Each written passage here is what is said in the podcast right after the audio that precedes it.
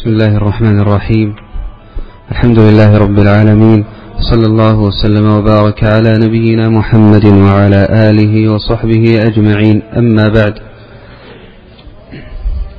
فاللهم اغفر لنا ولشيخنا وللحاضرين. قال الشيخ العلامة عبد الرحمن بن ناصر السعدي رحمه الله تعالى في كتاب البيوع. باب العارية والوديعة. العارية, العارية إباحة المنافع.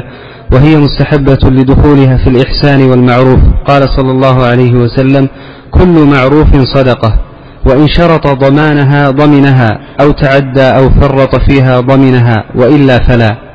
ومن أودع وديعة فعليه حفظها في حرز مثلها ولا ينتفع بها بغير إذن ربها. نعم بسم الله الرحمن الرحيم الحمد لله رب العالمين. الصلاة والسلام على نبينا محمد وعلى آله وصحبه أجمعين. أما بعد فهذا هو الدرس الأخير في هذا الفصل بمشيئة الله عز وجل. نكمل, نكمل فيه ما يتعلق بالأحكام المتعلقة بأبواب المعاملات. لنبدأ بمشيئة الله عز وجل. في الفصل القادم بالمواريث والفرائض ثم ننتقل بعد ذلك لأحكام الأنكحة. بدأ الشيخ رحمه الله تعالى بذكر أحكام العارية والوديعة. قال والعارية هي إباحة المنافع. نحن قلنا عندما تذكرون في أول باب المعاملات قلنا إن الشخص يستطيع أن يملك غيره أحد أمرين إما أن يملكه عين الشيء وإما أن يملكه منفعته إما أن يملكه عينه وإما أن يملكه منفعته دون العين. وتكلمنا عن كيفية انتقال العين فإن كان انتقال العين بمال فإنه يسمى بيعا. وإن كان انتقال العين لملك الثاني تبرعا فإنه يسمى هبة أو عطية. وأما المنفعة فبالإمكان أن يملك غيره المنفعة مع بقاء العين في ملكه. فإن كان تمليكه لهذه المنفعة في مقابل عوض فإنه يسمى عقد الإجارة عقد الإجارة. وإن ملكه المنفعة بلا عوض أي مجانا فهذا هو الذي يسمى الإباحة وهو العارية. إذا الإباحة معناها في العارية أن يملك امرؤ الآخر منفعة العين دون أصلها دون أصلها يجوز له أن يستخدمها بالاستخدام المعتاد ولكن مجانا أي دون مقابل. لو كان فيها مقابل تكون ماذا؟ إجارة. وبناء على ذلك لو أن امرأ قال لآخر أعرتك سيارتي بخمسمائة ريال. نقول هذا العقد يسمى عقد إجارة أو عقد عارية. عقد إجارة لأنه لا عبرة بالألفاظ. لأن من قال العبرة بالألفاظ يقول نعتبر بالألف ونلغي الشرط المشروط بعده وهو المبلغ فنقول يكون عارية بلا مال والصحيح أن العبرة بالحقائق لا بالألفاظ. إذا المقصود بالإباحة بالعارية إذن هو أن يعطي امرؤ آخر عينا فيقول انتفع بها كيفما شئت بشرط عدم استهلاك الأصل. تذكرون في الإجارة قلنا من شرط صحة عقد الإجارة أنه يشترط أن يمكن الانتفاع بالعين. فالأشياء التي لا ينتفع بها إلا باستهلاك العين لا يصح إجارتها. قلنا التفاح لا يصح إجارته. لماذا؟ لأنه يستهلك يؤكل. قلنا النقود النقود الأموال. لا يصح إجارتها لماذا؟ لأنها تستهلك تبيع بها وتشتري. والمعنى نفسه موجود في العارية. فالذي يعار إنما هو ماذا؟ ما يمكن الانتفاع به مع بقاء أصله. العقارات الأعيان السيارات الدواب الدواب الألبسة. قد تستعير من آخر لباسا من لباسه. غترته أو بشته وعباءته ونحو ذلك سمى عارية وهكذا. إذا تعرف العارية بأمرين. الأمر الأول أنها إباحة للمنفعة دون العين والأمر الثاني أن ترد العين بعد ذلك. الأمر الثاني أنها تكون مجانا إباحة ليست معاوضة وهذا معنى الإباحة يقابل الإباحة المعاوضة. الأمر الثاني أو المسألة الثانية قول الشيخ رحمه الله تعالى وهي مستحبة. واستدل الشيخ رحمه الله تعالى بأنها داخلة في عموم الإحسان إلى الناس. وقد قال النبي صلى الله عليه وسلم كما ذكر الشيخ كل معروف صدقة. واستدل بعض أهل العلم على استحباب العارية بقول الله عز وجل ذاما للمشركين ويمنعون الماعون. فذكر من صفاتهم أنهم يمنعون الماعون. جاء في تفسير هذه الآية معنيان. أحدهما أن منع الماعون على حقيقته فهم يمنعون الآنية أن تعار. يمنع أن تعار الآنية. فإذا سألك امرؤ أو سأل امرؤ أولئك الأقوام في الزمن الأول لم تكن الآنية متوفرة عند كل أحد وخاصة الآنية الكبيرة القدور الكبيرة فكان بعضهم يستعير من بعض. فإذا جاء امرؤ لآخر ليستعير منه شيئا محتاجا إليه ومنعه منه فإنه يكون آثما. ولذلك كان من بذلها من الصدقة الفاضلة. وجاء في تفسير هذه الآية أن ويمنعون الماعون أنها من باب البلاغة والبيان أي ويمنعون الطعام للفقراء. فلا يتصدقون على الفقراء بالطعام. إذ الماعون في الغالب لا يتصدق به وإنما يتصدق بما في داخله وهو الطعام ونحو ذلك. المسألة الثالثة التي ذكرها الشيخ وهي قوله وإن, شرط ضمانها ضمنها. هذه المسألة من المسائل المهمة التي أشكلت على أهل العلم. سأذكر أولا وجه الإشكال فيها وما هو قول جماهير أهل العلم ثم الرأي المتبين الذي مشى عليه الشيخ. العارية الأصل فيها أنها إباحة أذن لك فيها. فمن كان فمن كان مباحا له هذا الشيء فالأصل أن يده يد أمانة. بمعنى أنه إذا فرط أو تعدى فإنه يضمن. فإن لم يض فإن لم يفرط ولم يتعدى فإنه لا يضمن لا يضمن. لم يتعدى ولم يفرط لا يضمن. طيب. يقولون هنا إن المرأة إذا شرط المعير شرط على المستعير. قال إنها ترفت سواء بتفريط منك أو بدون تفريط أريدك أن تضمنها تعطيني قيمتها.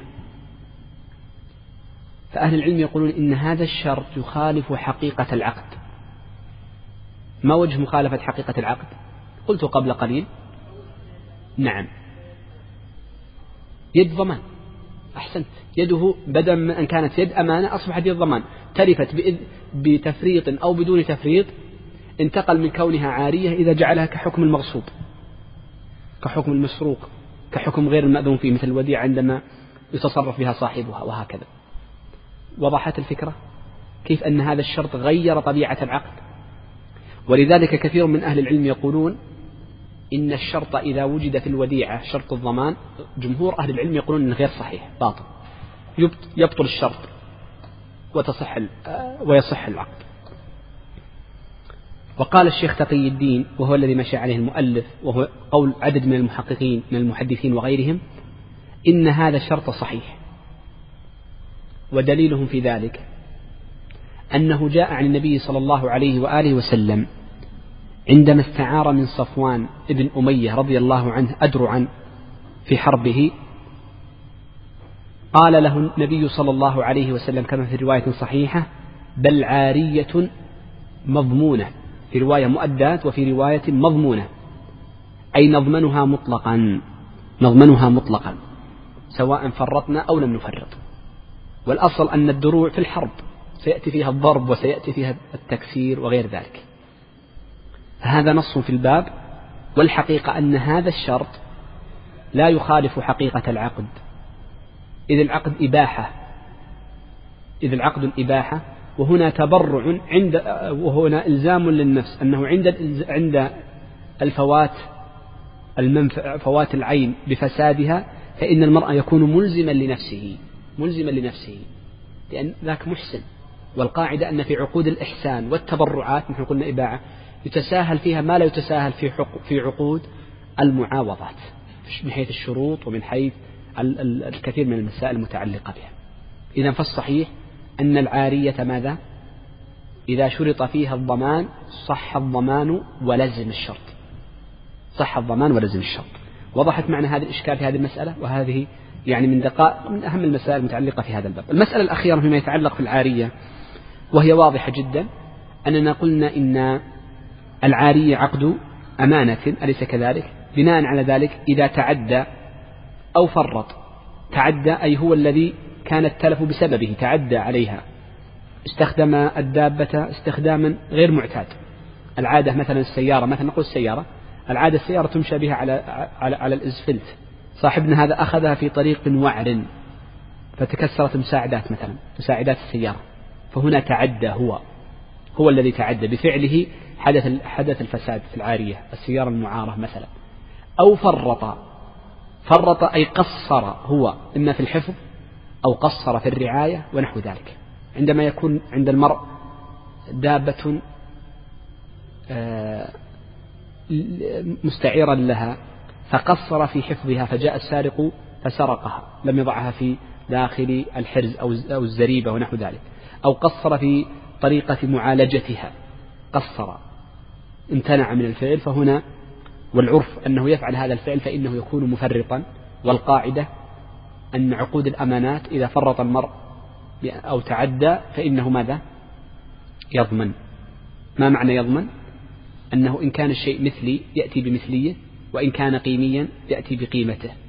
أو الأرش. تكلمنا عن هذا تذكرون؟ أظن تكلمنا عن المثلي والقيمي. أليس كذلك؟ إيه، ما نسيت أي باب. طيب. هذا الباب الأول أنهيناه. الباب الثاني يتعلق بباب الوديعة.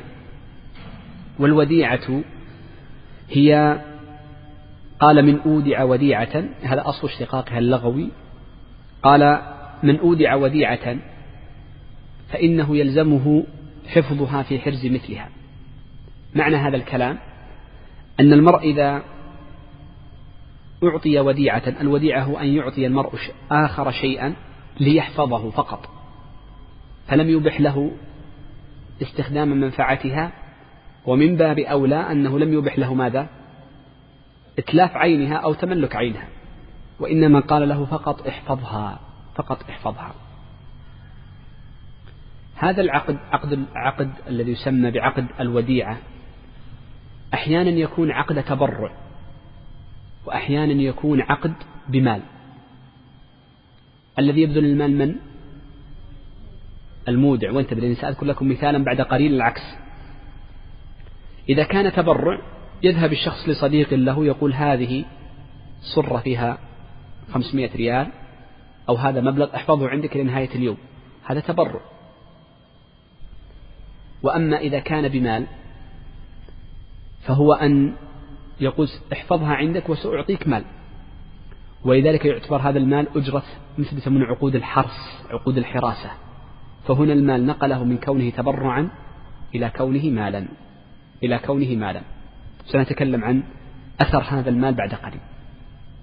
ولذلك فإن عند الفقهاء ما يسمى بعقود الاستحفاظ الحفظ.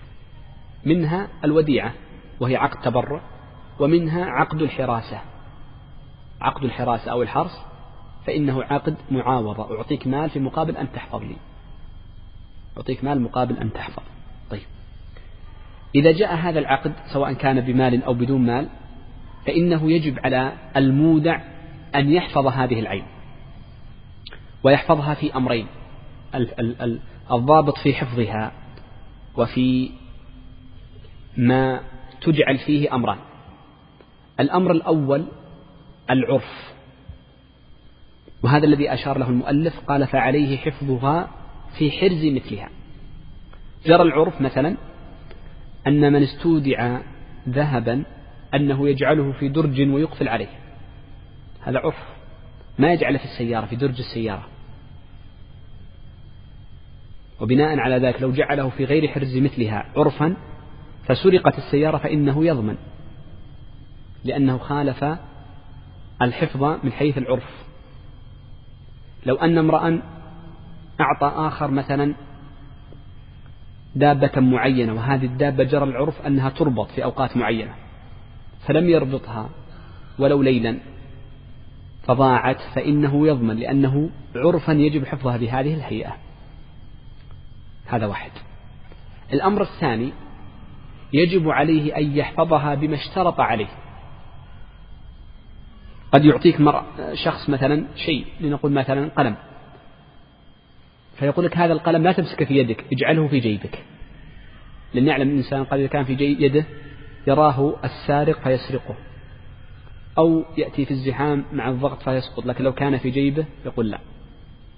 فهنا الشرط الشرط أنه تجعل في جيبك وبناء على ذلك إذا خالف الشرط خالف الشرط من؟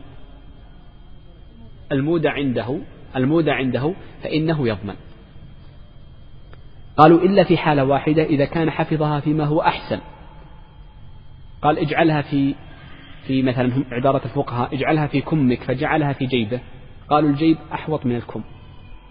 قال اجعلها في يدك فجعلها في جيبه الجيب أحفظ من اليد. فهنا يقولون إذا كان من باب حفظها فيما هو أشد فإنه لا يضمن في هذه الحالة. الجملة الأخيرة في هذا الباب وهي قوله رحمه الله تعالى ولا ينتفع بها. الضمير هنا الضمير الفاعل لهذه الجملة هو المودع المودع عند هذا الشيء.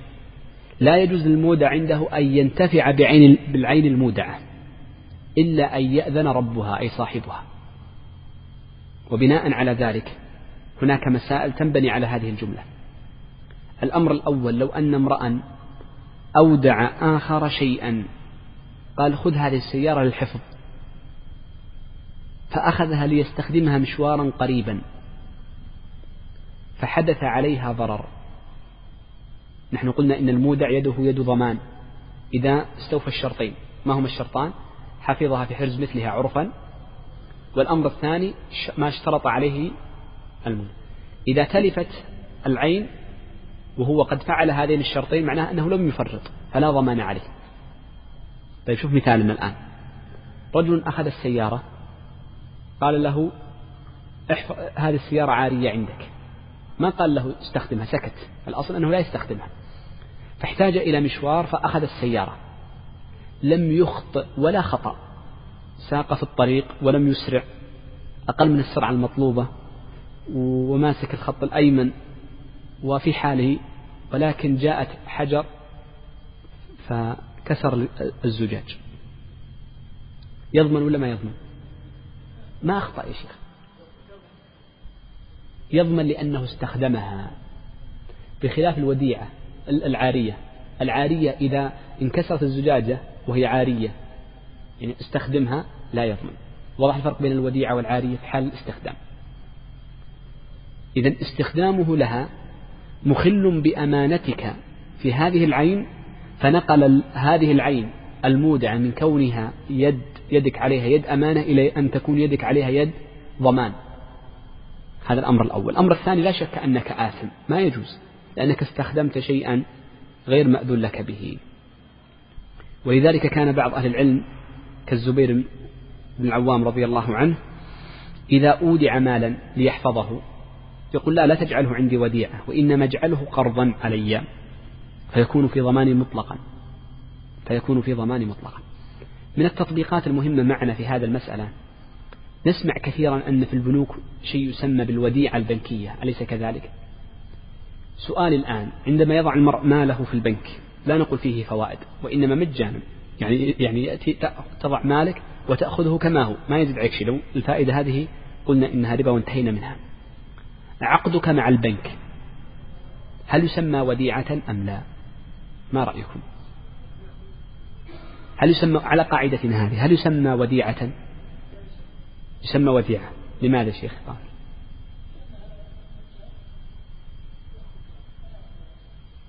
جيد؟ هم أخذوا مجانا. إحنا قلنا أن الوديعة سواء كانت بمال من المستودع أو بدون مال كلها تسمى وديعة. عقد حراسة داخلة في الوديعة. هي مجانا. طيب. انظر للجملة الأخيرة. هل البنك ينتفع بهذا المال؟ إذا أخذ منك خمسمائة رقم واحد اثنين ثلاثة أربعة خمسة. هل يرد لك نفس الرقم هذا؟ أم أنه يأخذ هذا المال ويستخدمه؟ إذا انتفع بها. فعمله في هذا المال يجعله ماذا؟ يجعله قرض. لا ليس عارية. إحنا قلنا العارية من شرطها قبل قليل أنه بقاء عينها. ما تعار النقود ما يعار ما يؤكل. إذا ينقلها في الحقيقة هي قرض. هي قرض. وضحت الفكرة؟ هي قرض. ولذلك يتضح لنا خطأ من قال من بعض المعاصرين من أهل العلم المعاصر لما قال إنه عقدك مع البنك عقد وديعة. عندما تضع مالك في الحساب الجاري مثلا أو في حساب التوفير أيضا يقول هو عقد وديعة. وضعت عندهم المال. طيب ثم هم أعطوك المال. أعطوك مال. ونحن قلنا إن يقول إن الوديعة يجوز بمال وبدون مال. فنقول أخطأ من جهتين. الجهة الأولى أن هذه لا تسمى وديعة لأجل أن المال يذهب عينه ويستخدمه صاحبها فنقلها من كونها وديعة إلى كونها قرض. الأمر الثاني أن المال الذي في العادة في الوديعة أن الذي يبذل المال من هو؟ المستودع ليس الذي عنده المال. فدل على أنها في الحقيقة ليست عقد وديعة مطلقا. ولا يأخذ يعني شخص هو الذي يتكلف بحفظ مالك ثم يعطيك مال عليه مما يدل على أنها قرض ولا شك وأن هذا هو عين الربا. وهذه هي شبهة من رأى من بعض المعاصرين أن الوديعة البنكية يجوز أخذ الفائدة عليها قيدت يعني قبل سنوات طويلة جدا ولكن واضح جدا عند التأمل أنها ليست بوديعة وأن القبض فيها واضح مثل الشمس أنها ربا وواضح. وضحت الفكرة؟ جيد. نعم تفضل شيخ. قال رحمه الله باب الشفعة. وهي استحقاق الإنسان انتزاع حصة شريكه من يد من انتقلت إليه ببيع ونحوه. نعم نأخذها جملة جملة. نبدأ أولا بباب الشفعة. الشفعة سمي كذلك. من باب الاثنين الزوجين يشفع أحدهما الآخر. يشفع يعني يكون اثنان. الاثنان يسمى شفعا. فالشفعة لابد أن تكون بين اثنين ما تكون بين واحد. آه هذا التعريف الذي ذكره المصنف قال استحقاق. إذا هو حق من الحقوق. حق من الحقوق. وذكرت لكم في أول باب البيوع أن الحقوق ثلاثة. ذكرنا اثنين قبل قليل وتركت الثالث لأنه هنا. فهناك حق يسمى حق العين الملك وهناك حق ثاني يتعلق بالمنفعة وهناك حق ثالث يسمى الاختصاص. وقلنا الاختصاص للشخص وقد يورث ولكنه ماذا؟ لا يباع. من من الاختصاص الشفعة. فالشفعة حق للشخص لكنها من الحقوق من حقوق الاختصاص. يتملكها الشخص وتنتقل لورثته أي ملك اختصاص ولكن لا يجوز له أن يبيعها لغيره قبل أن نتكلم في التعريف ونأخذ منه الجمل ما هي فكرة الشفعة؟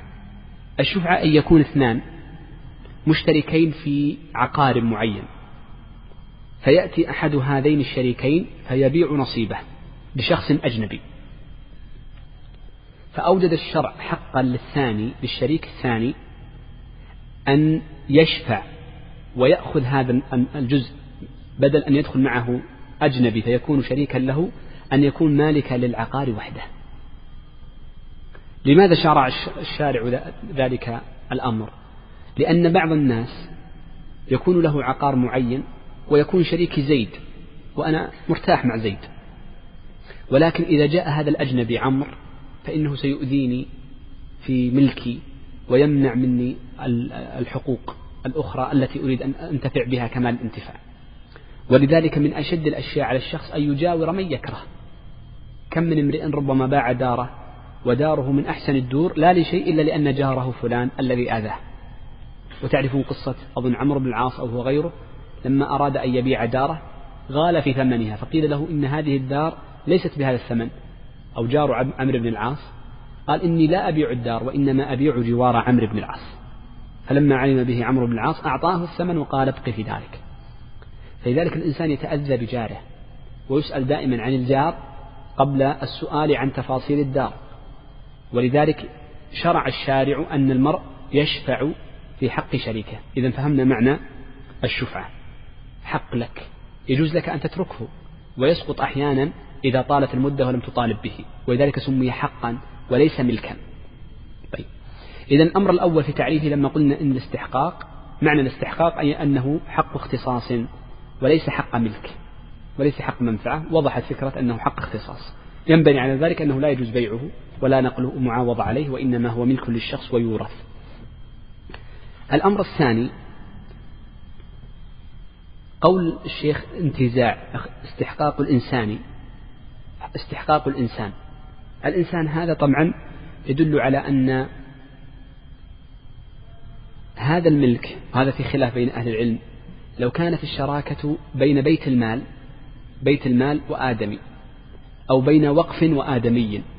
يعني أنا عندي أرض شوف عندي أرض نصفها لي والنصف الثاني وقف على الفقراء.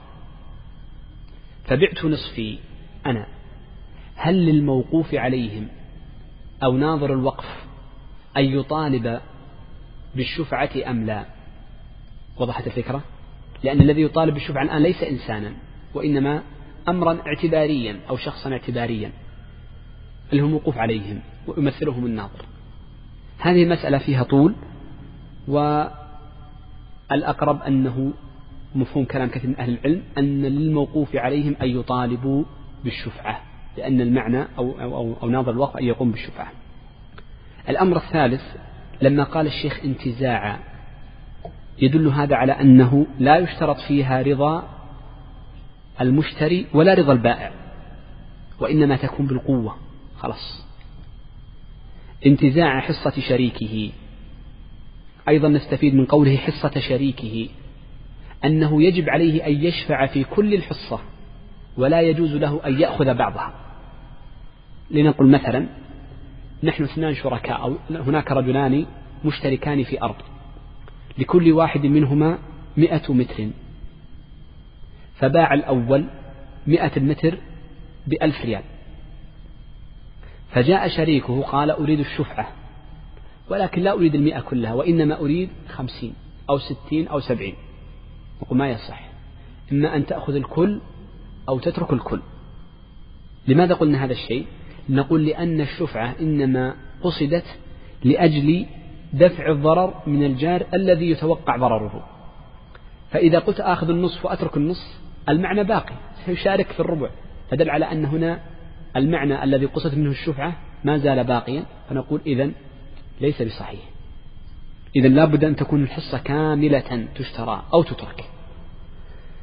المسألة الأخيرة نستفيد من هذا البيع من هذه الجملة وهذه الجمل كلها يعني مذكورة عند الفقهاء لكن نظرا لأن الشيخ ما ذكرها حاولت أن أستنبطها من التعريف. عفوا. عفوا. انتزاعا يعني ولو من غير رضا.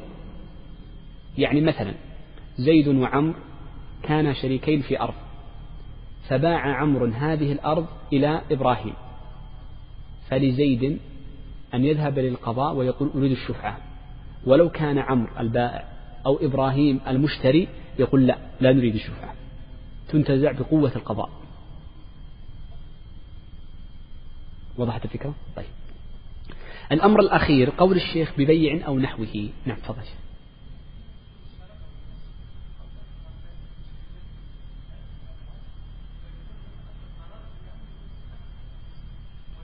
لا الشركات سنتكلم عنها الآن في الجملة الثانية وهي خاص في العقار. سنتكلم عن الشركات بعد قليل. طيب. الجملة الأخيرة قلنا عندما قال من انتقلت إليه ببيع ونحوه. وبناء على ذلك يفهم من هذه أن من انتقل إليه الجزء بغير البيع فإنه لا شفعة. اثنان مشتركان في أرض الشريك الثاني مات. فانتقل فانتقل ملكه لمن؟ للورثة. وقسم بينهم بالسوية خمسة ورثة. هل نقول للشريك الأول حق الشفعة؟ لا لأنه لم يكن هناك بيع. هذا واحد. لو أنه نقل الفقهاء استفادوا من هذا طبعا هذا بإجماع أهل العلم والنص فيها صريح مجمع عليها. فهم العلماء من هذه قالوا لماذا انتقال الملك هنا غير معتبر؟ قالوا لأنه لا معاوضة فيها.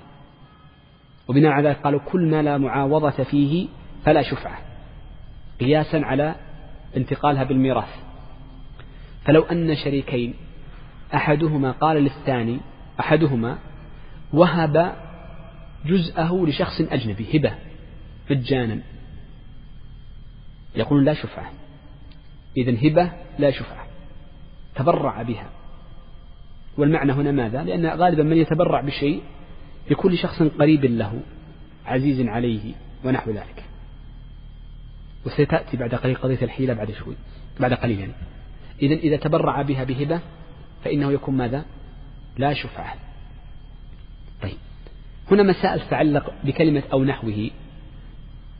سبق معنا قضية هناك ما يسمى بالمعاوضات غير المحضة.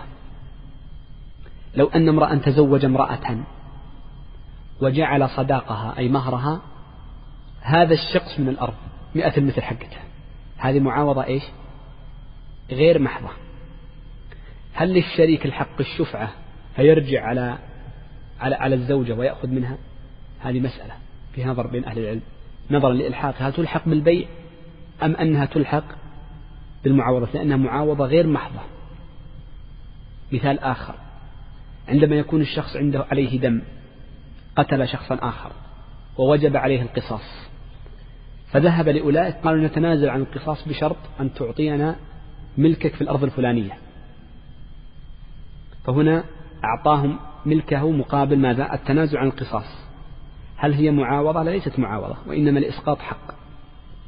فلذلك يقولون هذه لا شفعة فيها يلحقها عدد من أهل العلم بالنوع الثاني. بالنوع الثاني وهو ماذا؟ الذي اللي هو مجمع عليه وهو الهبة والميراث آه، نقول ثلاثة أشياء. الأمر الأول الشفعة في البيع متفق عليها أن فيها شفعة. المعاوضات المحضة. الأمر الثاني التبرعات التبرعات المحضة. المحضة مثل الهبة أو انتقال الملك بالوفاة. باتفاق أيضا تقريبا. لا أقول إجماعا إنه لا شفعة فيها. هناك معاوضات غير محضة. غير محضة. يعني تحتمل أن تكون شبيهة بالبيع واحتمال تكون شبيهة بسائر انتقالات الملك. مثل الصلح عن الدية. عفوا الصلح عن عن القصاص. ومثل ما ذكرت لكم قبل قليل عوض المهر في الصداق والعوض في الخل ونحو ذلك. طيب تفضل شيخنا.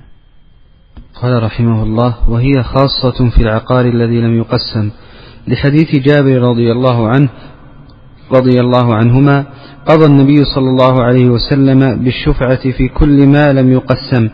فإذا وقعت الحدود وصرفت الطرق فلا شفعة. متفق عليه. طيب. هذه مسألة مهمة جدا في ما هي الأشياء التي تدخل فيها ما هي الأشياء التي تدخل فيها الشفعة. هناك أربعة أشياء نستفيدها من هذه الجملة. الأمر الأول غير العقار. نقول ماذا؟ نبدأ بها لأنها الأسهل. من الجملة هذه لا يدخل لأنه قال الشفعة خاصة بالعقار. إذا غير العقارات لا شفعة فيها. لو كنت أنا وأنت كنا شريكين في سيارة فأراد أحدنا أن يبيع نصيبه لشخص آخر نقول لا شفعة لأنها خاصة بالعقار لأجل الجوار. نحن قلنا معنى الجوار. لو كنت أنا وأنت شركاء في بضاعة معينة نشتري بضاعة ونبيع. فبعت نصيبي في البضاعة كاملة لشخص آخر. نقول لا شفعة. إذا الشفعة فقط خاص بالعقارات. طيب. يأتي في نظام بعض الشركات أنه لا يحق للشريك أن يبيع نصيبه من هذه الشركة سواء كان شركة أشخاص أو غير ذلك إلا بإذن شريكه. يلزم أن يأخذ إذنا من شريكه. فإن أراده أن يشتريها اشتراها وإن لم يرد شراءها فإنه ليس كذلك. يعني يجوز له نقلها لأجنبي. نقول هذا ليس من باب الشفعة وإنما هذا من باب الشرط. من باب الشرط في العقود. ولا ندخله في الشفعة لأن الشفعة خاص بالعقارات سواء وجد شرط أو لم يوجد شرط. هذا شيء آخر يتعلق بسائر الأمور كالشركات وسائر الأعيان لكن لا يسمى شفعة. وإن توسع بعض المعاصرين وأدخله في باب الشفعة والصحيح أنه ليس من الشفعة هذا الأمر الأول. الأمر الثاني الذي سأسأل عنه الآن عندما نقول العقارات التي لم تقسم أو تقسم يصح الوجهان ينبني على ذلك أن العقار الذي قسم فإنه لا شفعة فيه. وما هو العقار الذي قسم؟ الذي هو الجوار. الجوار. عندما يكون اثنان متجاورين البيت بالبيت فأراد جارك أن يبيع داره هل تثبت له الشفعة أم لا تثبت؟ في خلاف بين أهل العلم طويل والذي مشى عليه المؤلف أنه لا شفعة فيه. لا شفعة فيه. وهذا هو مشهور مذهب وقول جماهير أهل العلم أنه لا شفعة فيه. والفهم كله في حديث الجار أحق بسقبه فمنهم من يقول أي شفعة له حق الشفعة ومنهم من فهم أي بالجدار لك حق الجدار فقط وما زال ليس لك الحق فيه. لكن نمشي على هذا القول. لكن من أهل العلم هو قول قوي جدا من قال إنه تثبت الشفعة في الجوار. إذا بقي عندنا شيء واحد العقار الذي لم يقسم. وهذا العقار الذي لم يقسم نقول هو نوعان. عقار يمكن قسمته قسمة إجبار وعقار لا يمكن قسمته قسمة إجبار. العقار الذي يمكن قسمته قسمة إجبار أي يمكن للقاضي أن يقسمه يمكن أن يقسمها الناس. أرض مساحتها مئة متر مئتي متر أو مئتا متر نقول يمكن أن تقسم مئة مئة سهل. هذا يمكن قسمته قسمة إجبار. ما لا يمكن قسمته قالوا مثل العقار الصغير جدا. لو قسم ما يمكن الانتفاع به. بعض الأراضي الصغيرة تكون ثلاثة أمتار في ثلاثة أمتار البيوت القديمة عندنا في الرياض هنا. بيوت صغيرة جدا. لو قسمت ما ما أمكن الانتفاع بها هذا من جهة. أحيانا النظام يمنع. النظام البلديات الآن ماذا تقول؟ الأرض التي مساحتها 250 متر لا يمكن أن تقسم. لكن ممكن أن يملكها اثنان ثلاثة أربعة. لكن الصك لا يمنع تقسيمها بناء على عرف البلدية الآن. فتجعل لا يمكن أن تصغر الصكوك وإنما تجعلها صكا واحدا لكن الشركاء في كثير. إذا عرفنا الفرق بين إيش؟ العقار الذي يقسم والعقار الذي لا يقسم. مذهب الحنابلة لكن أبين لكم المذهب والصحيح الذي مشي عليه المؤلف. مشهور المذهب أن الشفعة خاصة بالعقار الذي يقسم قسمة إجبار يمكن قسمته قسمة إجبار أي كبير. وأما العقار الذي لا يمكن قسمته قسمة إجبار كالحوانيت الدكاكين. الدكان ما يمكن أنك تحط دكانين ممنوع. الأرض الصغيرة لا يمكن. الأراضي التي محددة بطول معين لا يمكن. فيرون أنه لا يدخلها الشفعة لا تدخلها الشفعة والصحيح أن الشفعة تدخل كما هو مؤلف في التي تقسم قسمة إجبار والتي لا يمكن قسمتها كلها تدخل فيها الشفعة. أيضا ظاهر الحديث أنه حتى في الجوار تثبت الشفعة تثبت الشفعة. طيب. الجملة نعم تفضل شيخ. يمكن ننهي الباب قال رحمه الله ولا يحل التحيل لإسقاطها فإن تحيل لم تسقط لحديث إنما الأعمال بالنيات. نعم هذه آخر جملة تتعلق بهذا الباب. نحن قلنا ما معنى الشفعة؟ أن تأخذ الشخص الذي باعه شريكك بثمنه الذي اتفقا عليه. أحيانا الشريك لكي يسقط هذه الشفعة حقك في الشفعة يتحيل بحيلة. وهناك حيلتان مشهورتان يفعلهما الشركاء لإسقاط حق الشفعة. الحيلة الأولى أن يزيد في السعر جدا في العقد الرسمي أمام الناس ولكنه في الواقع يأخذ أقل. أضرب مثالا. زيد وعمر شركاء في أرض لكل واحد منهما ماذا؟ مئة متر. فأراد عمرو أن يبيع أرضه المئة متر لكن ما يريد جاره يأخذها يريد شخص آخر. كم كم قيمة هذه المئة متر؟ كم يا شيخنا؟ عشرة آلاف ريال. فقال شوف عشان ما يأتي جارنا سأكتب بيني وبينك العقد أنك اشتريتها مني بمئة ألف ولكن أعطني عشرة سعر السوق. لكي إذا أراد الشريك أن يشفع في هذا الجزء يقول والله مئة ألف أنا مهبول أشتري أرض بعشرة ألاف بمئة ألف ما أستطيع. هذه حيلة أليس كذلك؟ فإذا استطاع الشريك أن يثبت هذه الحيلة فإننا نقول يشفع بالعشرة آلاف فقط. عاد كيف يثبت؟ هذا أمر له. الإثبات شيء آخر. هذا مثال الشفعة للحيلة. مثال آخر اذكره لي. أشرت له قبل قليل كان تذكرون. نعم. يأتي عمرو هذا ويأتي الأجنبي يقول شوف أعطني عشرة آلاف ولكن سنسجلها في المحكمة وأمام الناس أنها هدية مني لك هبة. فنقول إن هذه حيلة ومع ذلك لا تسقط فله الحق أن يرجع بسعر مثلها بسعر مثلها. ولذلك يقول فإن تحيل لم تسقط.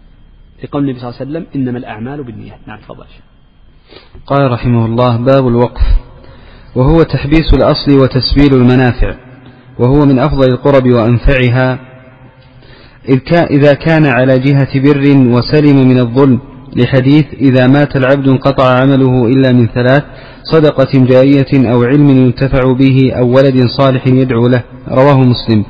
وعن ابن عمر قال أصاب عمر أرضا بخيبر فأتى النبي صلى الله عليه وسلم يستأمره فيها فقال يا رسول الله إني أصبت أرضا بخيبر لم أصب مالا قط هو أنفس عندي منه. قال إن شئت حبست أصلها وتصدقت بها. قال فتصدق بها عمر غير أنه لا يباع أصلها ولا يورث ولا يهب فتصدق بها في الفقراء وفي القربى وفي الرقاب وفي سبيل الله وابن السبيل والضيف. لا جناح على من وليها أن يأكل منها بالمعروف ويطعم صديقا غير متمول مالا. متفق عليه. نعم. بدأ الشيخ رحمه الله تعالى بذكر الوقف والوقف من خصائص هذه الشريعة السمحة وهي الإسلام شريعة الإسلام. لا يوجد عند أي شعب من الشعوب هذا هذا العقد. نعم يوجد عقود قريبة منه لكن الوقف بهذه الهيئة وهذه الصورة وهذه الحقيقة لا يوجد إلا في شريعة الإسلام. ما المراد بالوقف؟ قال هو تحبيس الأصل بمعنى أن يمنع من البيع والاستهلاك. ما يستهلك الأصل إلا بالاستهلاك المعتاد يعني ما يستهلك فينتقل ملكيته لأحد فهو تحبيس من باب الحبس. ولذلك نقول فإنه لا يوقف إلا ما يمكن أن يكون له منفعة مثل ما قلنا في الإجارة. وتسبيل المنفعة أي جعلها سبيل يتصدق بالمنفعة يتصدق بالمنفعة. وبذلك نستفيد أنه لا بد أن تكون المنفعة على جهة بر بر وإحسان. ولكن درجات البر تختلف من جهة إلى أخرى. والوقف من أفضل القربات. والدليل عليه ما جاء عن بعض التابعين رضوان الله عليهم أنه قال ما من أحد من الصحابة رضوان الله عليه إلا وأوقف وقفا. مما يدلنا على أن الصحابة رضوان الله عليهم عنوا بهذا الأمر.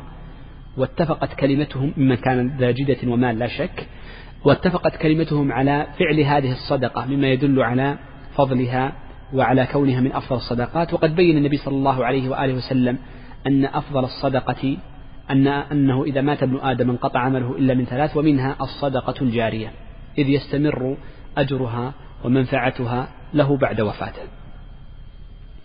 هذه الأشياء التي توقف أنواع كثيرة قد يكون عقارا قد يكون عقارا كمن أوقف بناء يبنى عليه مسجد أو ليجعل مستشفى أو ليجعل مركزا لخير من أوجه الخير والبر. وقد يكون عينا. مثل خالد بن الوليد رضي الله عنه فإنه قد حبس أدرعه في سبيل الله. عين ليس ثابت ليس ثابت عقار وإنما عين منقولة. من الأعيان المنقولة فجعلها موقوفة في سبيل الله عز وجل وهذه صورها كثيرة. بعض الناس يوقف مثلا سيارة لنقل الموتى هذا وقف. بعض الناس يوقف سجادة في المسجد بعض المساجد يكون فيها أناس إذا صلى على الفرش أصابه بوسخ فأراد أن يحفظ فرش المسجد فيوقف سجادة نقول لك أجر أجر في ذلك. بعض الناس يوقف كرسيا شيء يعني لا يلزم أن يكون الوقف شيء غالي وشيء بمئات الألوف وإنما أشياء رخيصة ممكن أن تكون وقفا. فما دام أنها تنتفع بها فلك أجر عظيم. ولذلك جاء النبي صلى الله عليه وسلم أنه من حفر بئرا هذا وقف لله عز وجل. لم لم ينقطع الرشا الذي الذي يستقى منه إلا وقد ضمن له مكانا في الجنة. ومن أفضل الصدقات كما في البخاري المنيحة. المنيحة. تعد تغدو بإناء وتروح بإناء. المنيحة ما هي؟ أن المرء يتصدق بناقة أو بشاة لأجل لبنها. فالإنسان يضع له ناقة يقول من أراد أن يشرب منها فليشرب. أو يحلب ويوزع لبنها للناس فتغدو بإناء وقال هذه أفضل الصدقة. فدل ذلك على أن الأوقاف عموما من أفضل الأعمال والحديث فيها طويل جدا. يهمنا هنا مسألتان. أنه قال الشيخ أن الوقف من أفضل القرب إذا كان على جهة بر. المراد بالبر أي الإحسان. ليس معناها أنها مقصود بذاتها الصلاح. فقد يوقف الشخص على كافر غير مسلم ونقول هي جهة بر. فإن صفية رضي الله عنها زوج النبي صلى الله عليه وآله وسلم أوصت بثلث مالها لأخيها وكان أخوها يهوديا. فهنا في معنى الوقف والوصية بمعنى متقارب من جهة البر. فهنا بمعنى البر. فلو أوقف المرء على قراباته وكان قراباته غير مسلمين صح. طيب لو كان على جهة معصية شوف هنا أوقفها على قراباته هم كفار. لكن في ما هو البر؟ أنهم قراباته. طيب لو أوقف على معصية قال أوقفت هذا البناء ريعه للكنيسة الفلانية. نقول ما يجوز. لماذا؟ لأنها معصية. طيب بعض الناس قد تستغرب هذا الشيء لكن أقول لك معصية مشهورة. بعض الناس تكون نيته طيبة وكريمة ويريد الأجر لكن لجهله بشرع الله عز وجل يريد أن يفعل خيرا فإذا به يفعل إثما. بعض الناس يأتي عند عمارة فيقول أوقفت هذه العمارة لأجل فعل هذه البدعة الفلانية. بدعة متفق عليها. لنقل مثلا ضريح معين. لنقل مثلا بعض الأفعال التي تفعل. في بعض الطرقية يجعلون رقصا ونحو ذلك. نقول هذا وقف على معصية. تؤجر على النية لكن الفعل ما تؤجر عليه. إذا ما الحل؟ ينقل الوقف لجهة بر. نجعله لمسجد. نجعله للفقراء نجعله في مصالح أهل تلك البلد. وضحت الفكرة؟ من بعض الناس يقول مثلا يوقف على شيء نقول أقل أحواله أقل أحواله أنه مكروه. أشياء أقل أحوالها أنها مكروهة. فما دام مكروها فليس جهة بر. إذا ما في معنى الصلاح فهنا نفرق بين أن يكون هناك معنى أو ليس هناك معنى البر. إذا ولكن كلما كان البر أعلى وأحسن وأكثر أجرا لا شك أنه أكمل. الأمر الثاني زادها الشيخ من من عنده وهي ليست في أغلب الكتب قال وسلم من الظلم. لأنه في أحيانا بعض الناس يوقف وقفا لكن فيه ظلم. وهذه المسألة فيها خلاف بين أهل العلم. وصورتها ماذا؟ هي الوقف الذي يسمى بالوقف الأهلي وسماه الشيخ محمد عبد الوهاب وقف الجنف أي الظلم. بعض الناس يكون عنده عمارة مثلا ويريد أن يحرم البنات من الميراث. فماذا يفعل؟ يقول أوقفت هذه العمارة على أبناء الذكور وعلى أولادهم والبنات تطلع برا. جهة بر؟ نعم. أبناؤه بر وقف أهلي. أليس كذلك؟ جهة بر. أبناؤه. لكن فيها ظلم. ظلم لمن؟ للبنات. أراد أن يحرمهن من الميراث. فهنا واضح نية قصد حرمان البنات. ولذلك كان كثير من أهل العلم هو رأي الشيخ عبد الرحمن قبله الشيخ عبد الوهاب أن هذا الوقف باطل. ولكن العمل عندنا في المحاكم على تصحيح هذا العقد لأن جماهير أهل العلم على صحته.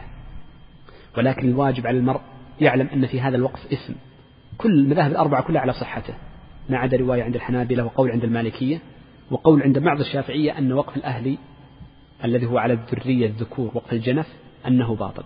والجمهور على تصحيحه. ولكن يجب على المرء أن يعرف أن فيه إثما عليه وظلما لأنه حرم البنات.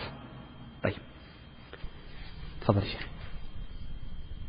قال رحمه الله وأفضله أنفعه للمسلمين. نعم تكلمنا عن هذا وينعقد بالقول الدال على الوقف. نعم.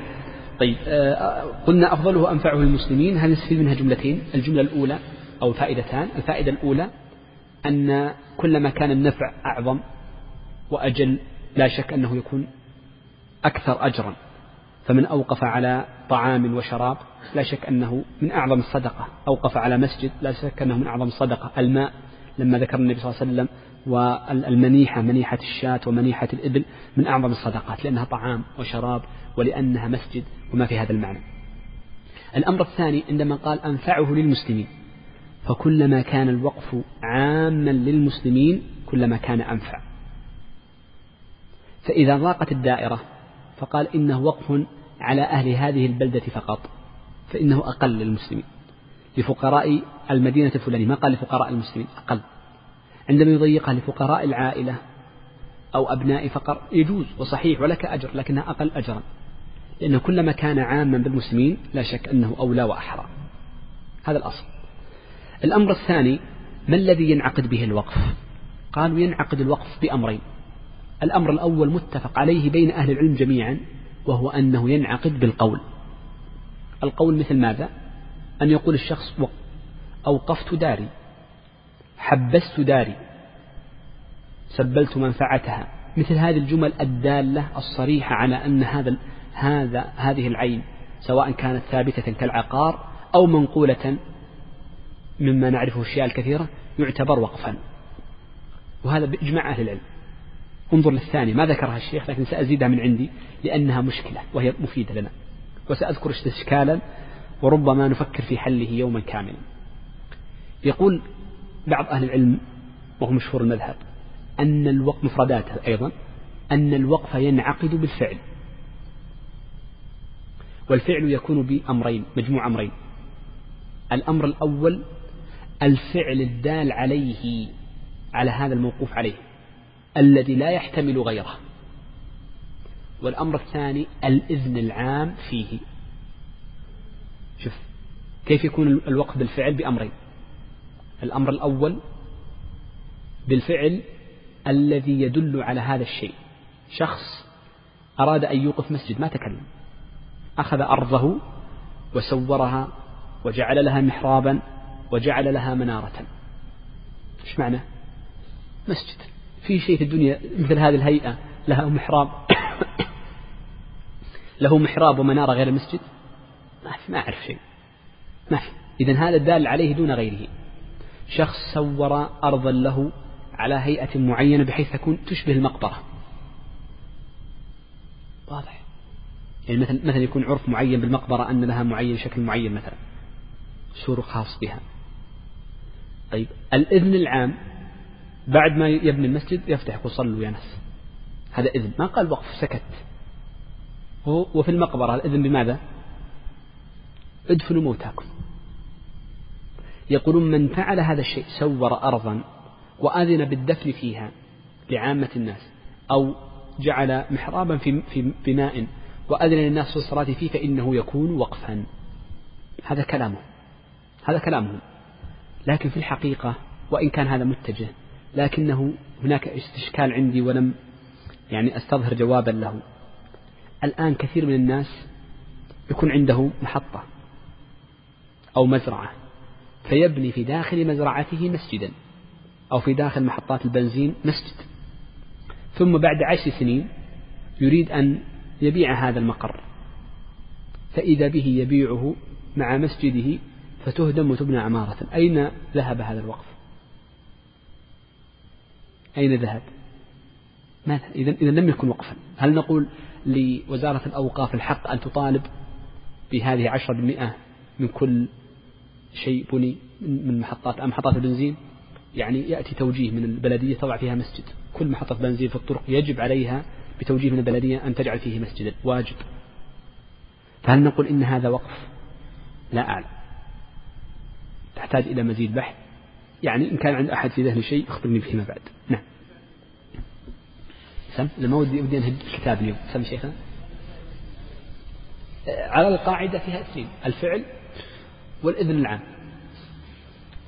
إن حكمنا أنه وقف يعني لها مستلزمات وعمل الناس على خلاف ذلك.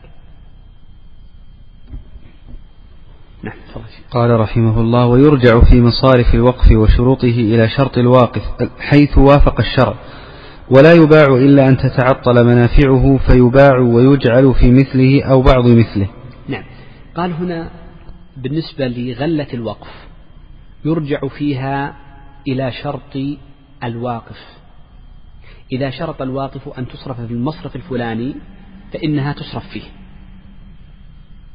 ما لم يكن مخالفا للشرع. مثلنا بمن أوقف على كنيسة أو أوقف على أمر مبتدع أو على أقل الأحوال مكروه مذموم. فإنه أيضا يمنع. مثل أوقف بنى عمارة وقال هذه العمارة وقف على مثلا دار البغاء الفلانية. مثل يوجد الحمد لله طهر الله بلادنا من دور البغاء ومن دور الخنا والخمر لكن قد يوجد في خارج بلاد المسلمين أو في بعض بلاد المسلمين. نقول هذا الوقف ثابت ولكن الشرط باطل. فإذا خالف فيكون حكمه كحكم من منقطع الانتهاء. ما هو منقطع الانتهاء؟ أحيانا يقف الواقف على أناس معينين. يقول أوقفت أوقفت على آل فلان. على أسرة معينة. إذا انقطعت هذه الأسرة ما الذي يحدث؟ يسمى إيش؟ منقطع الانتهاء. أعطيكم مثال الآن موجود.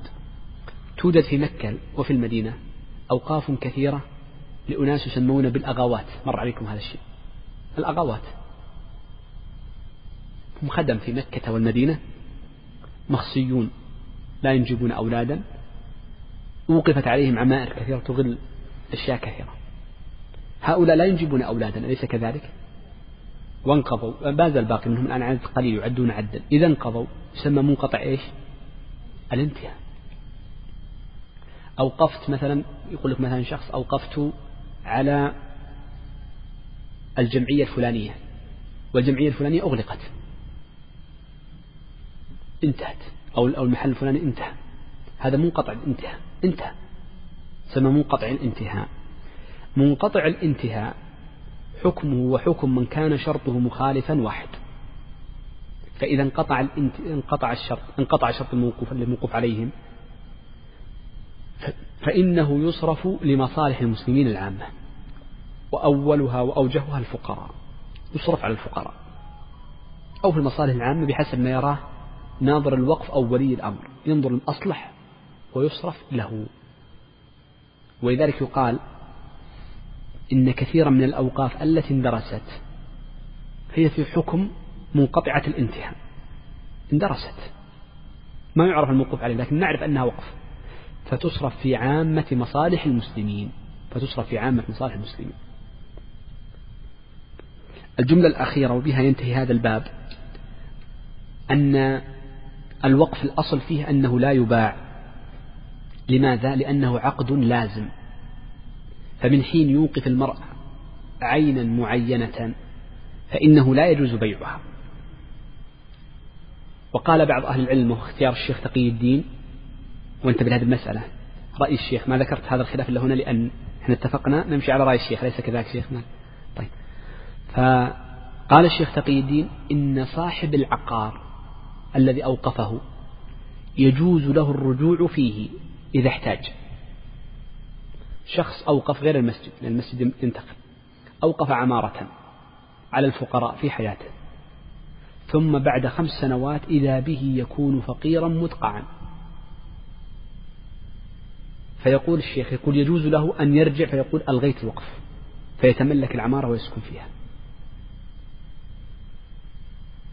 واضح رأيه طبعا الذين يجوزون الرجوع في الوقف مطلقا إنما هم الحنفية والجمهور لا يجوزون. الشيخ أخذ رأيا وسطا فقال يجوز للشخص نفسه دون باقي ورثته وأن يكون لحاجة كأن يكون افتقر. افتقر. فهنا يجوز له أن يرجع في في في في وقفه لأجل الحاجة. أما من غير حاجة لا يجوز. وذكر آثارا عن الصحابة في ذلك. إذا هذه المسألة الأولى وهي قضية الرجوع في الحياة. تكلمنا عنها. المسألة الثانية ما يسميه الفقهاء بإبدال الوقف واستبداله. فإنهم يقولون يجوز إبدال الوقف واستبداله. إبداله كيف؟ أن يكون العين متعطلة. أوقفت مسجدا ثم هذا المسجد خلاص ما جنبه أحد يصلي فيه. ما حد يصلي فيه. فتبدله بمسجد آخر. هذا يسمى إبدال الاستبدال هو أن تستبدله بشيء آخر غيره. شخص أوقف على ذريته وانقطعت ذريته فنقلناها من كونها عمارة إلى أن جعلناها ماذا؟ مسجدا للمسلمين. بدلناها. كان موقفا لسيارات فبعنا السيارات وجعلناها في أرض. بدل استبدلناها عفوا استبدلناها. التبديل من نفس النوع والاستبدال من غيره. يقولون متى يجوز الإبدال والاستبدال؟ قالوا يجوز إذا تعطلت المنفعة. إذا لم تتعطل لا يجوز.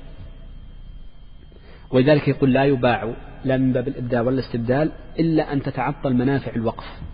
فيباع ويجعل في مثله إبدال أو في بعض مثله أو في غيره كان الأصلح وهذا يسمى الاستبدال. نعم. وهذا أيضا مفردات وهو الصحيح وفي نصوص عن الصحابة رضوان الله عليهم فيها. نعم. قال رحمه الله نعم. باب الهبة والعطية والوصية وهي من عقود التبرعات.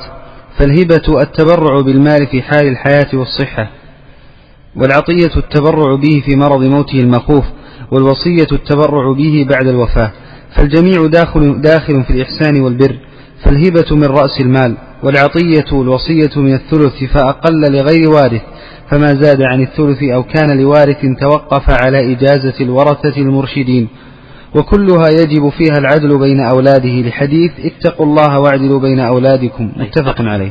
آه بدأ الشيخ بذكر الهبة والعطية والوصية وهما في الحقيقة بابان ليست ليس بابا واحدا وإنما جرت عادة الفقهاء أنهم يذكرون الوصية بعد الهبة. الهبة ما هي؟ هي التمليك في الحياة. أن يملك المرء مالا لغيره في الحياة مجانا. تبرع. الصدقة ما هي؟ هي نوع من أنواع الهبة. تعطي الفقير مالا. هو نوع من أنواع الهبة. فغالبا لا يهب الشخص لآخر إلا لمعنى. فإن كان لا يريد من هذه الهبة إلا وجه الله عز وجل كانت ماذا؟ صدقة خالصة. وإن وهبها لأداء حقوق له على حقوق لغيره أوجبها الله عليه فهي صدقة أيضا. ولذلك قال النبي صلى الله عليه وسلم لما سئل سأله رجل عنده درهم ماذا يفعل به قال اجعله في أهلك. الرجل عندما يعطي زوجته يعطي أبنائه يعطي أخاه يعطي أباه يعطي أمه في الحقيقة لا يريد أن يرد له الشيء صح ولا لا؟ فهي من باب الهبة ولكنه فعلها أداء لواجب افترضه الله سبحانه وتعالى عليه وهو النفقة الواجبة أو النفقة المستحبة. والأمر الثاني أنه يريد صلة وإحسانا فكانت صدقة. ولكن كلما كانت لأحوج فهي أعظم أجرا. الوصية ما هي؟ الوصية هي التبرع بعد الوفاة. يعني أن, أن يهب هبة ولكن يجعلها معلقة بعد الوفاة. هذا الكأس لفلان هذه في الحياة هبة. هذا لفلان بعد وفاتي سمى ماذا؟ وصية. وضحت إذن الوصية والهبة لا فرق. اللهم إلا أن الوصية معلقة لحين الوفاة. مثل العتق. العتق ما الفرق بين العتق والتدبير؟ التدبير هو تعليق العتق على الوفاة. وهكذا. طيب. هناك مرحلة في الوسط بينهما حينما يكون المرء في مرضه المخوف. يعني جاءه مرض وهذا المرض خاف هو المخوف باعتباره هو ليس باعتبار الناس بعض الناس ما يدري عن نفسه فلا نسمي أن مرضه مخوف هو خاف من الموت وذلك يقولون من أمراض المخوف يقولون الفالج في أوله مخوف وفي آخره ليس مخوفا أول ما يأتي المرء الفالج والذي أفهمه أن الفالج هو نوع من الجلطة أو كذا ففي أوله مخوفا يكون مخوفا لأن دائما أول ما يأتي المرء هذا الشيء يخاف من الموت وقد يموت في أوله. فتصرفاته مخوفة. لكن لو طال به الأمد فلا يعتبر مخوفا لأنه ربما جلس أشهر وهو على هذه الحال ربما يمد الله عز وجل فهو عنده أمل أن يمد الله عمره. فإذا المخوف باعتباره هو وباعتبار المرض لأن بعض الناس موسوس هذا نلغيه أيضا. لأن بعض الناس قد يكون فيه مرض خطير قد قدر بتقدير الآدميين أنه لن يعيش إلا أياما محدودة لكن لم يخبر به فنقول إنه لا يعتبر في حقه ماذا؟ مخوفا. في حكم المخوف من يدخل مهلكة من يدخل المهلكة. قالوا من ركب البحر في ذلك الزمان الأول فمن أهل العلم من يرى أنه مخوف ركوب البحر ومنهم من يرى أنه ليس مخوفا. بحر يهود يهيج. وكان قريب الناس من يسلم. من دخل معركة فتبرع قبل دخول المعركة يكون في حكم المرض المخوف. لأن احتمال ما ما يعود. لذلك هو في حكم المخوف. طيب هذا المخوف التبرع في المخوف ما حكمه؟ قالوا هو ملحق بالوصية وإن كان قد نجزه ولم يعلقه. كأنها وصية. وضحت الفكرة؟ لأن كأنه قال بعد وفاتي لأنه يتوقع هو بيموت بكرة أو بعد فلذلك تأخذ حكم الوصية. طيب. ما الفرق بين الوصية والهبة؟ من حيث الصورة ما هو؟ الهبة ماذا؟ في الحياة والوصية عند بعد الموت بعد الموت وألحقت بالوصية العطية عطية المريض. عطية المريض ألحقت بالوصية. طيب هذا الفرق. من حيث الأثر الهبة يجوز المرء أن يهب ما شاء من ماله. ولذلك كان أبو بكر الصديق رضي الله عنه تصدق بماله كله وعمر تصدق بنصف ماله. فيجوز لك أن تتصدق. إلا أن يكون هذا البذل يعني مفسد لمالك وعندك يعني أناس محتاجون فإنه يحجر على المرء ربما. وتكلمنا عن باب الحجر في محله. إذا هذا الأمر الأول أن الهبة يجوز من غير حدود أما الوصية فإنه لا يجوز إلا بالثلث. لأن النبي, صلى الله عليه وآله وسلم قال الثلث والثلث كثير. طيب. إذا يقول الشيخ الهبة هي التبرع بالمال في حال الحياة والصحة والعطية هي التبرع في مرض الموت المخوف والوصية التبرع بالمال بعد الوفاة وذكرنا هذه الجمل الثلاثة وأن الوصية وإن كان صورتها صورة الهبة إلا أن حكمها حكم الوصية. طيب. قال فالجميع داخل في الإحسان والبر لا شك. فالهبة من رأس المال والوصية والعطية والوصية من الثلث فأقل لغير وارث ما معنى قول الشيخ فالهبة من رأس المال؟ يعني لو أن امرأ وهب لآخر شيئا ولكنه قبضه مثلا ثم رده سأتكلم عن القبض بعد قليل فإنه في هذه الحالة يؤخذ من رأس المال ولا يكون ثلثا. ولا يكون في الثلث أضرب لكم مثالا. رجل عنده أرضان فقط. قبل وفاته وقبل أن يأتيه المرض وهب إحدى الأرضين لصديق وكتب هذا وثقه.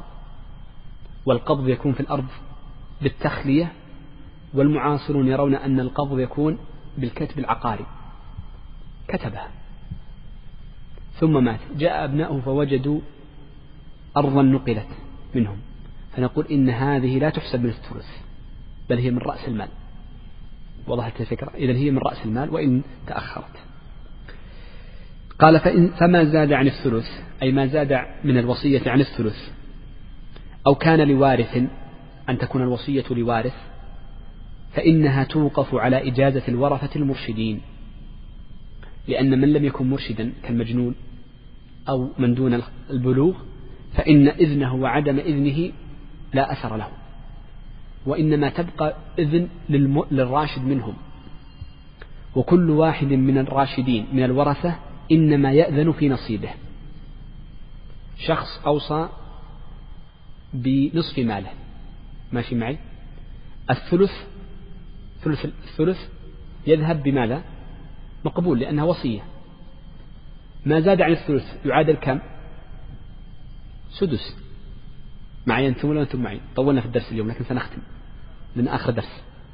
ما زاد عن الثلث كم؟ كم زائد ناقص ثلث يساوي؟ نصف ناقص ثلث كم يساوي؟ سدس.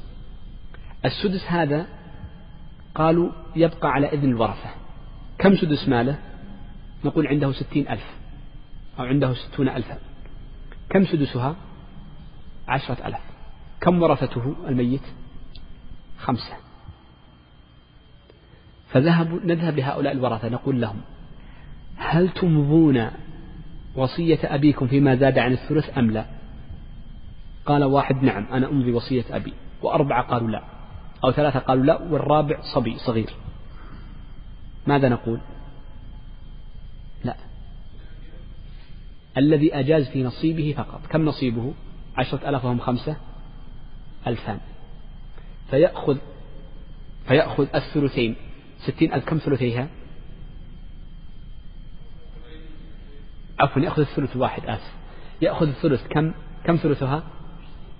عشرون ألفا. يأخذها بماذا؟ بالوصية.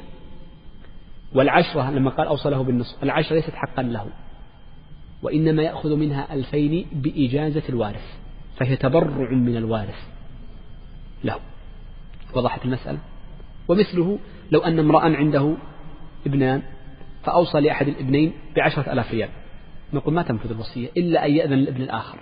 أذنت لك. نفس الفكرة. نفس الفكرة. طيب. المسألة الأخيرة في هذه الجملة قال وكلها يجب فيها العدل بين أولاده. أي ويجب العدل في الهبة ويجب العدل في الوصية. نبدأ أولا في الهبة لأنها سهلة. الهبة هي هي الإعطاء في الحياة. والنبي صلى الله عليه وسلم عندما جاء النعمان بن بشير نحله أبوه واسمه البشير بن نعمان فنحله أبوه نحلة قالت أم النعمان رضي الله عنها وعن زوجها وعن ابنها لا أرضى حتى تشهد النبي صلى الله عليه وسلم. فلما أخبر النبي صلى الله عليه وآله وسلم قال النبي صلى الله عليه وآله وسلم أو, أو كل ولدك أعطيته مثل ذلك؟ قال لا. قال أشهد على ذلك غيري فإني لا أشهد على زور. فدل ذلك على أن هذا العقد باطل. فيجب العدل بين الأولاد في العطية. الذي لا يجب العدل فيه النفقة. الصغير ليس كالكبير في اللبس. آه، المريض ليس كالصحيح في العلاج. وهكذا في أمور أخرى في النفقة يختلفون فيها الناس. لكن العطية الهدية يجب العدل بين الولد والأنثى معا. حتى لقد قال يعني بعض السلف وهو قتادة رضي الله عنه لو كنت مفضلا أحدا في العطية لفضلت الأنثى على الذكر فضلت البنت على الولد. فأعطي البنت ألفا وأعطي الولد خمسمائة لأن البنت ضعيفة وغالب النساء لا يعملن ولا يكدحن. ولكن الصحيح من قول أهل العلم أنه في العطية بين الأولاد يقسم كما قسم بينه الميراث كما قال شريح القاضي رحمه الله تعالى أو غيره نسيت الآن هي قسمة رضيها الله لنا بعد وفاتنا فنقسمها في حياتنا. فإذا أراد المرء أن يعطي أولاده فيعطي الولد مئة والبنت خمسين يجب. وإن لم يعدل بينهم فهو آثم. وهل يلزم الرجوع لبطلان العقد؟ ظاهر كلام الفقهاء المذهب أنه باطل فيجب الرجوع فيه ولكن الحكم فيها عند القضاء. هذا العدل في إيش؟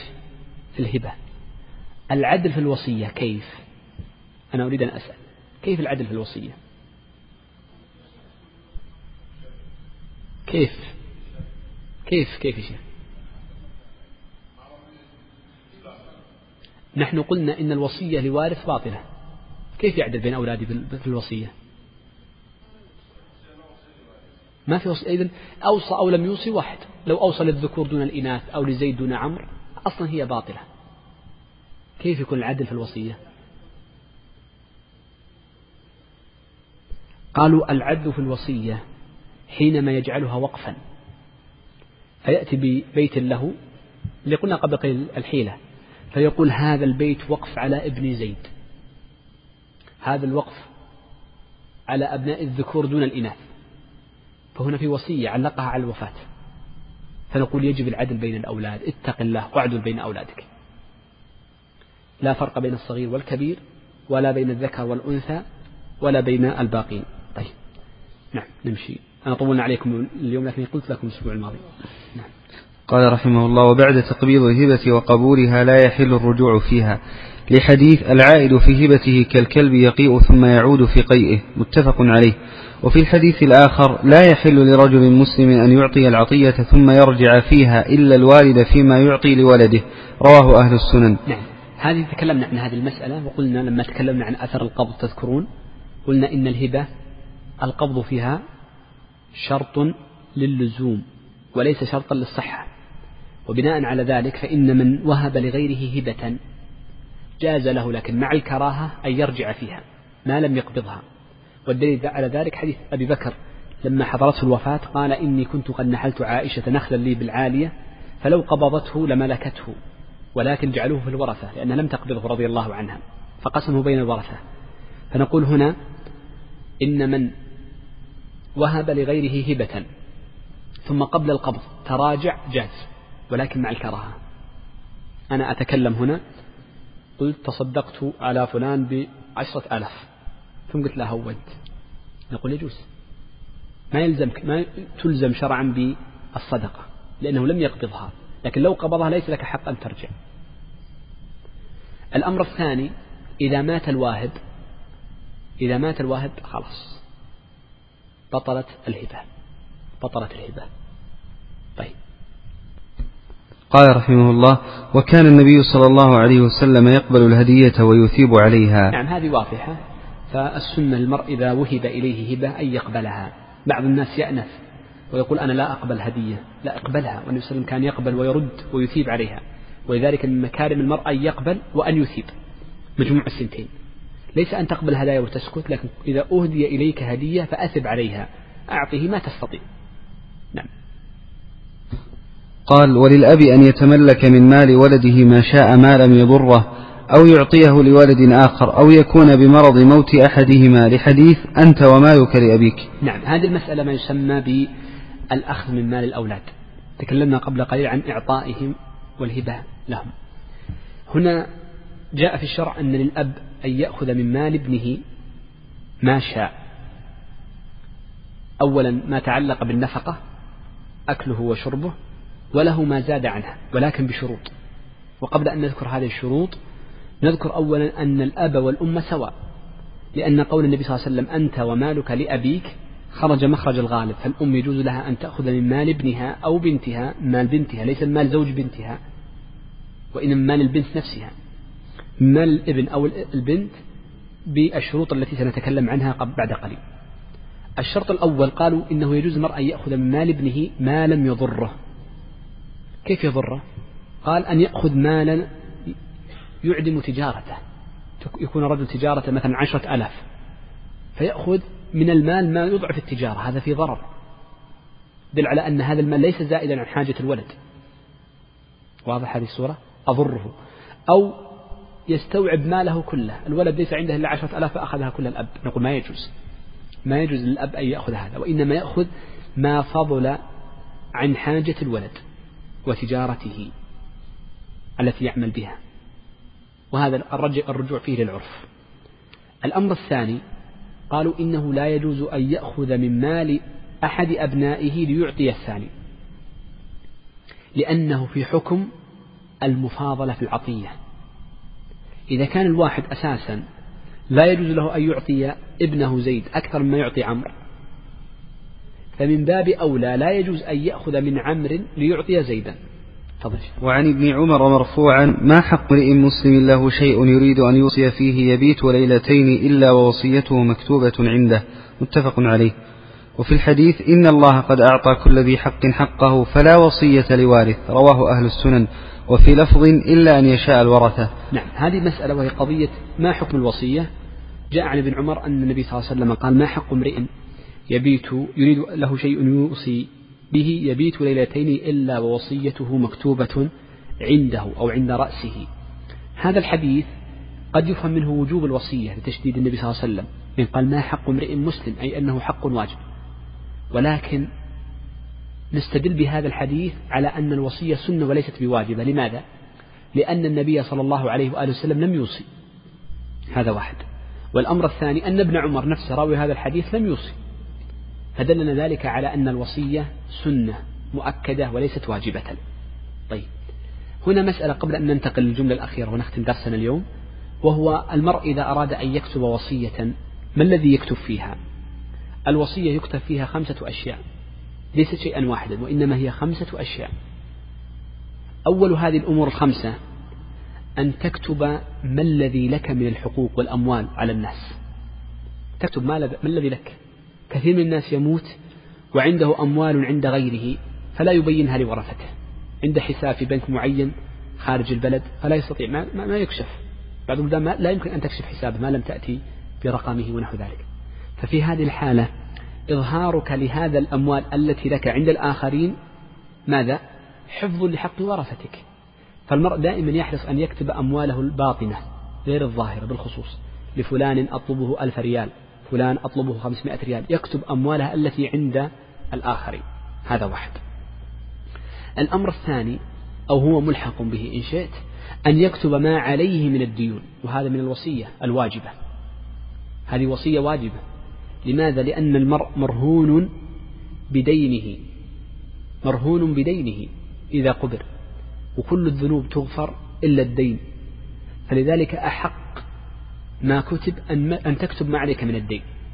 قد تترك ألفا وعليك من الدين مئتين وورثتك لا يعلمون بهذا الدين فهم يتنعمون بالألف كاملة وأنت تتعذب بالمئتين ولذلك من الواجب على المرء أن يكتب الديون التي عليه وخاصة إذا كانت الديون باطنة غير ظاهرة.